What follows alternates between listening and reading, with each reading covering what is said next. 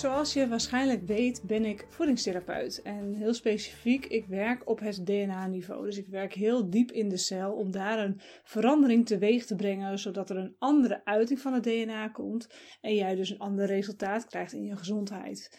je DNA is uiteindelijk degene die de aansturing geeft voor alle processen die in je lijf spelen. En wanneer dingen verstoord zijn, dan worden er programma's uit het DNA afgedraaid die zorgen voor die verstoring. En heel kort gezegd is als je zorgt dat die verstoring opgelost wordt uh, op DNA-niveau met voedingstherapie de manier om een andere uiting van dat DNA te krijgen. Dus dat er andere programma's afgedraaid gaan worden, waardoor er weer balans ontstaat.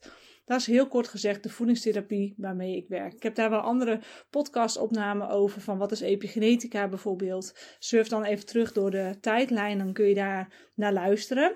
Maar in deze aflevering wil ik het niet specifiek hebben over uh, de voedingstherapie. Sterker nog, ik wil het hebben over een hele andere kant. Uh, namelijk dat voedingstherapie alleen niet helpt. Nou, hoe weet ik dat? Ik heb uh, zes jaar geleden ben ik gestart met uh, mijn praktijk. En in die eerste jaren heb ik heel veel mensen één op één geholpen vanuit een standaard bedrijfsmodel. Dus ik hielp ongeveer zo'n vijf, zes mensen per dag. En ehm, nou, die kwamen met klachten en dan zes weken later kwamen ze weer terug of niet.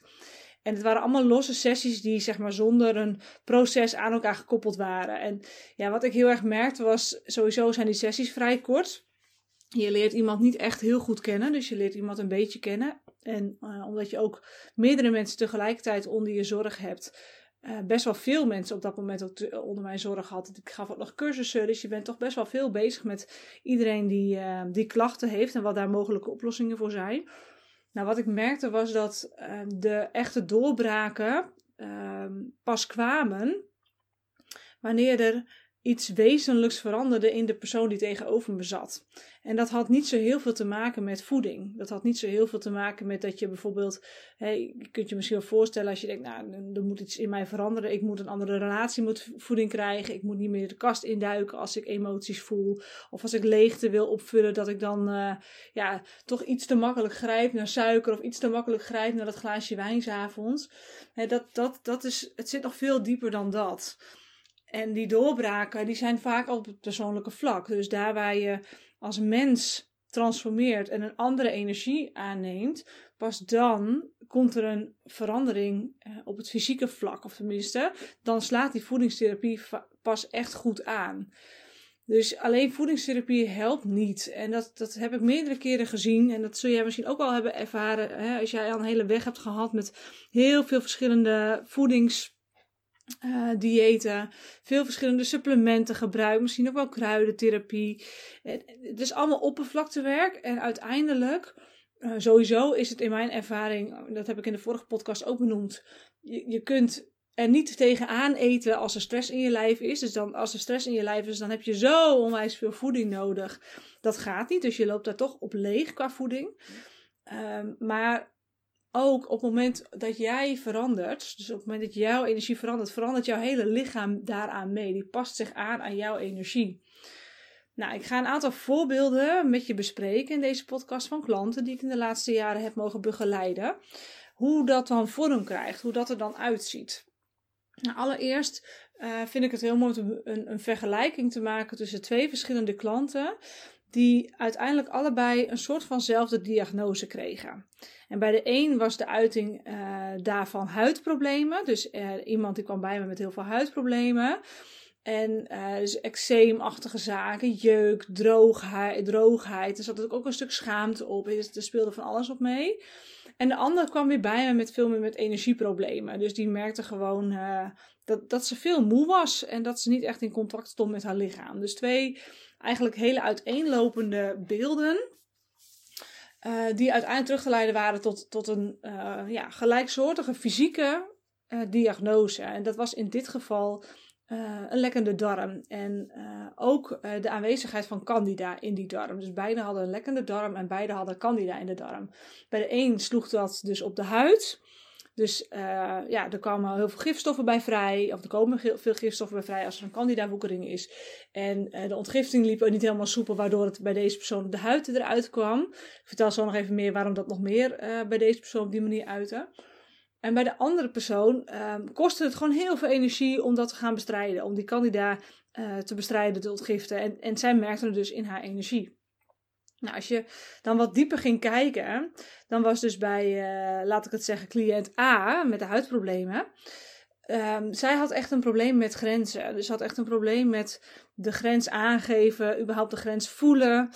Um, toen ik haar voor het eerst ontmoette, toen voelde ik ook van, oh, je bent, je bent heel uitgewaaierd in je energie. Dus je bent een soort van overal, maar niet dicht bij jezelf. Dus je staat niet stevig in jezelf verbonden. En daardoor eh, zijn die grenzen dus uitgewaaid en is je huid letterlijk, hè, dat is je letterlijke grens, een zwakke plek geworden. Maar intern is die uh, darmwand, die niet in dit geval, dus in dit geval lek was, uh, dat is ook een grens. Hè? Je, je, denkt misschien ik eet, maar op het moment dat jij eet, dan is het nog steeds je buitenwereld. Ja, het zit in je lichaam, maar het is nog niet opgenomen in je lichaam.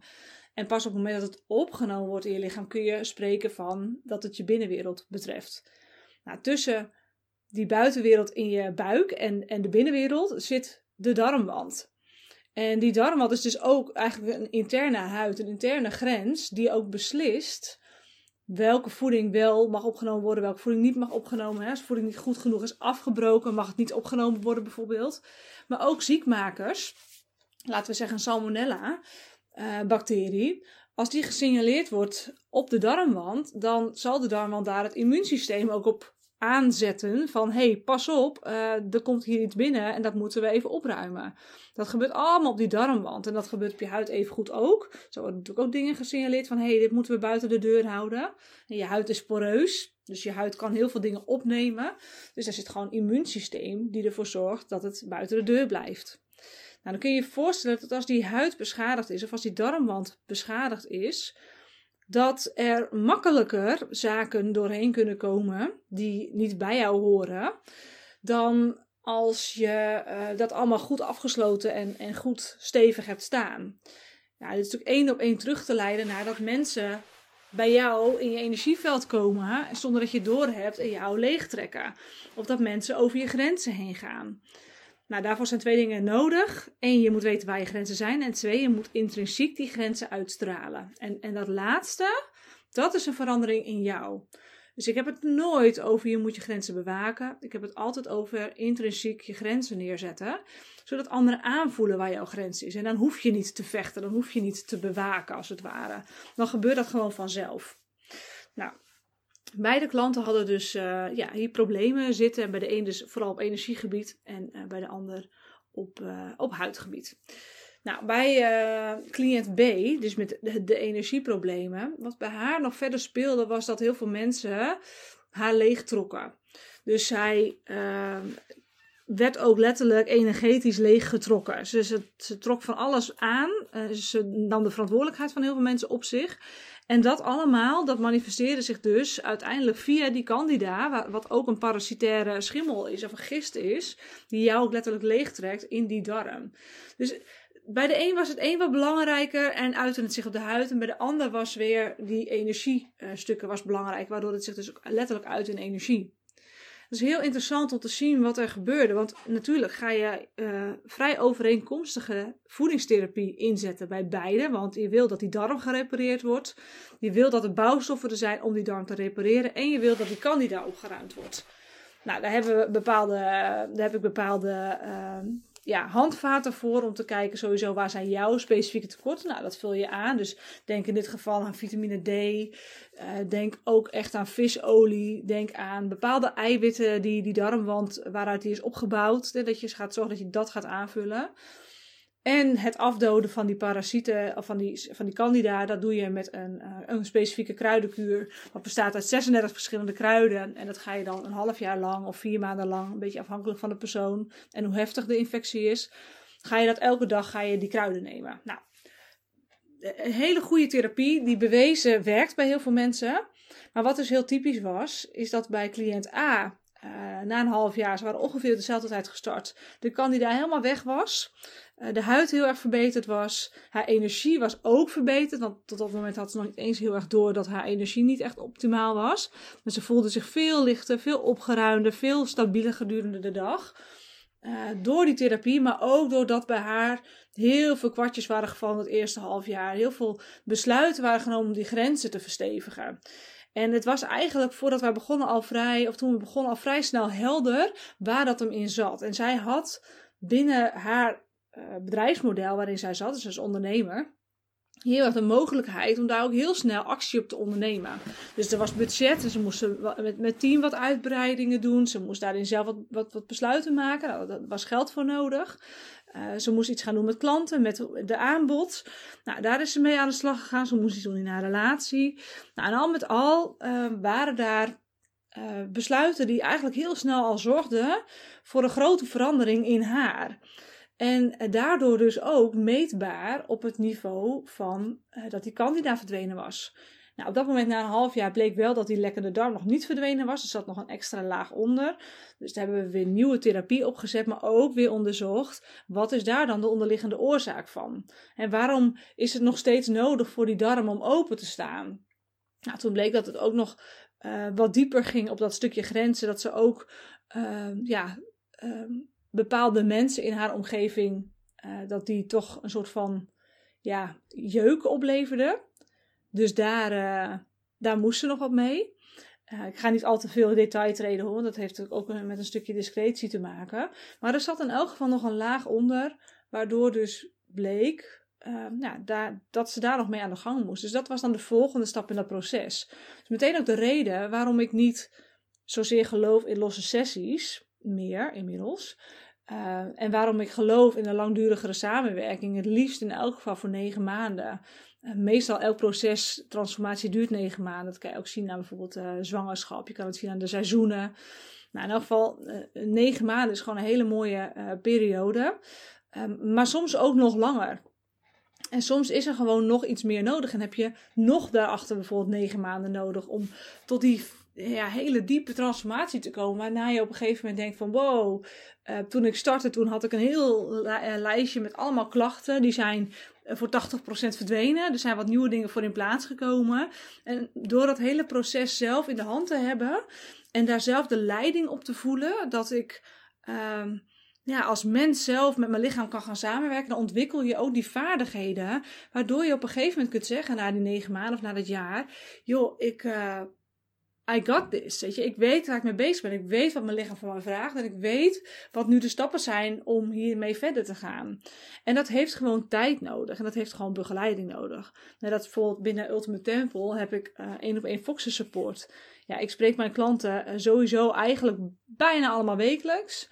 Uh, soms één keer per twee weken. Het ligt er dus een beetje aan ook in welke fase van het proces je zit.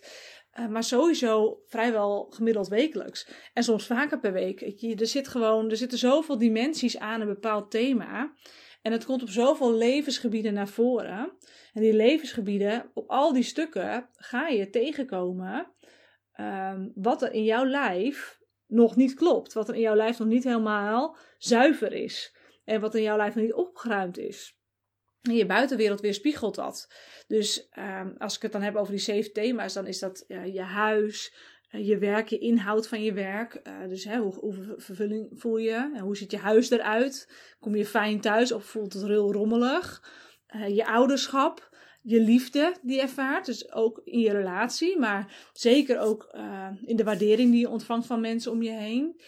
Uh, geld is een belangrijk thema. Als je echt geldproblemen hebt of, of te weinig geld ervaart of juist heel veel geld ervaart en je weet niet wat je ermee doet, wat je ermee moet doen, dan kan het heel veel stress geven. Plezier maken is een heel belangrijk item. En uh, wat heb ik dan nog als laatste? Even kijken hoor. Huis, werk, geld, ouderschap, liefde, plezier. En dan hebben we nog, ja, ik heb hem gevonden, je sociale leven. Dus hoe voedend is je sociale omgeving en de mensen die je om heen hebt in je netwerk? Dat je voedt dat je of kost het je juist energie? Nou, dat zijn belangrijke uh, levensgebieden die uiteindelijk leiden tot de allerbelangrijkste, namelijk je gezondheid. Want weet je, zonder huis, zonder liefde, zonder uh, sociaal, weet je, alles mag wegvallen. Dat is allemaal, allemaal oké, is allemaal weer opnieuw op te bouwen. Maar je gezondheid, als dat op een gegeven moment echt een, een, een, uh, een ding wordt, ja, dat mag nooit wegvallen. Want dan, dan zijn echt de rapen gaar. Weet je, dan uh, als je gezondheid niet klopt, dan kun jij jezelf überhaupt niet meer manifesteren in die andere leven, zeven levensgebieden. Dus die zeven levensgebieden leiden tot de achtste. En uh, ja, in zo'n proces komt dat allemaal naar voren. En binnen Coming Home maken we daar um, op al die gebieden, op vrijwel al die gebieden, ook heel veel uh, groei door. Dus heel veel bewustwording, heel veel besluiten maken. En ik ben heel erg van voel, maar maak ook besluiten. Dus doorvoel, ruim de emoties op, maar maak ook besluiten waarin je het wilt transformeren, zodat er iets anders voor in de plaats komt. Nou, daar begeleid ik je in binnen Coming Home. En binnen Ultimate Temple bouwen we dat weer verder door. Nou, hoe kom ik hierop? Er is dus tijd nodig voor dat herstel. Er is dus tijd nodig voor ehm, ja, die transformatie, dat jouw energie verandert, waardoor je lichaam zich aanpast. Nou, ik zal je nog een voorbeeld geven.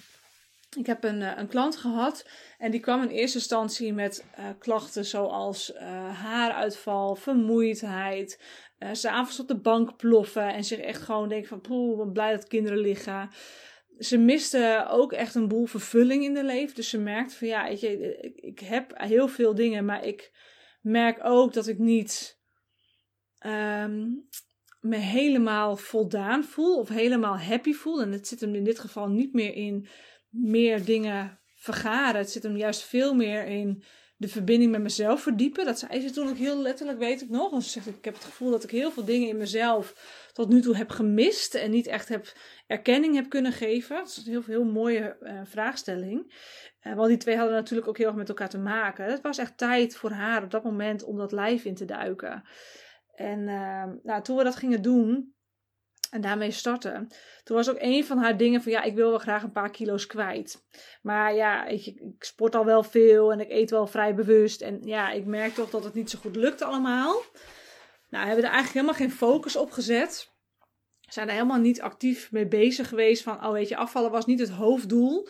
Maar dat was meer zoiets van, nou weet je, als ik op een gegeven moment wat meer in verbinding met mezelf sta, dan, eh, dan wil ik dat gewoon gaan aanpakken. Maar ik merk nu gewoon dat ik niet op dieet wil. Dat was ook heel duidelijk bij haar.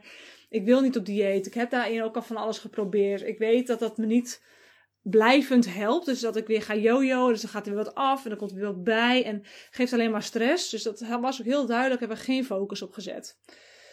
Maar goed, het was natuurlijk ergens wel een verlangen die ze had. En ik weet nog een half jaar later na haar start. Zij startte in Ultimate Temple meteen. Want ze had zoiets van ja, ik, uh, ik wil meteen hub all the way. En ik weet dat ik hier tijd voor nodig heb en kom erop. Dus uh, meteen na een half jaar uh, Ultimate Temple, toen, toen stuurde ze me een berichtje van jeetje, ik ben bij de sportschool weer een keer op de weegschaal gaan staan. En ik was 8,5 kilo kwijt. En ik heb eigenlijk niet zoveel anders gedaan. Ik heb bij haar ook niet in dit geval in deze uh, case heel veel gedaan met voedingstherapie. We hebben natuurlijk wel wat tekorten opgelost. Maar zijn niet heel, er, was, er waren niet heel erg uh, grote darmproblemen bijvoorbeeld. Waardoor het al best wel heel goed ging met haar. Maar puur op celniveau nog het een en ander uh, moest veranderen om die energiehuishouding op orde te krijgen. En haar hoofd ook wat helderder te krijgen en die haaruitval te stoppen. Uh, maar dat was niet groot. Het, was, dat, het, het ging veel meer bij haar over dat innerlijke proces. En, en met dat lichaam uh, leren samenwerken door het op te ruimen. Nou, en toen dus na een half jaar stuurde ze dat. En ik was, het is heel mooi om te zien van de zijkant dat, dat je iemands energie dus kunt zien veranderen. Je, je voelt dat iemand verandert ten positieve. En het was bij haar letterlijk in dat half jaar een stuk lichter geworden. Er waren zoveel zakken en emmers met shit van haar afgevallen.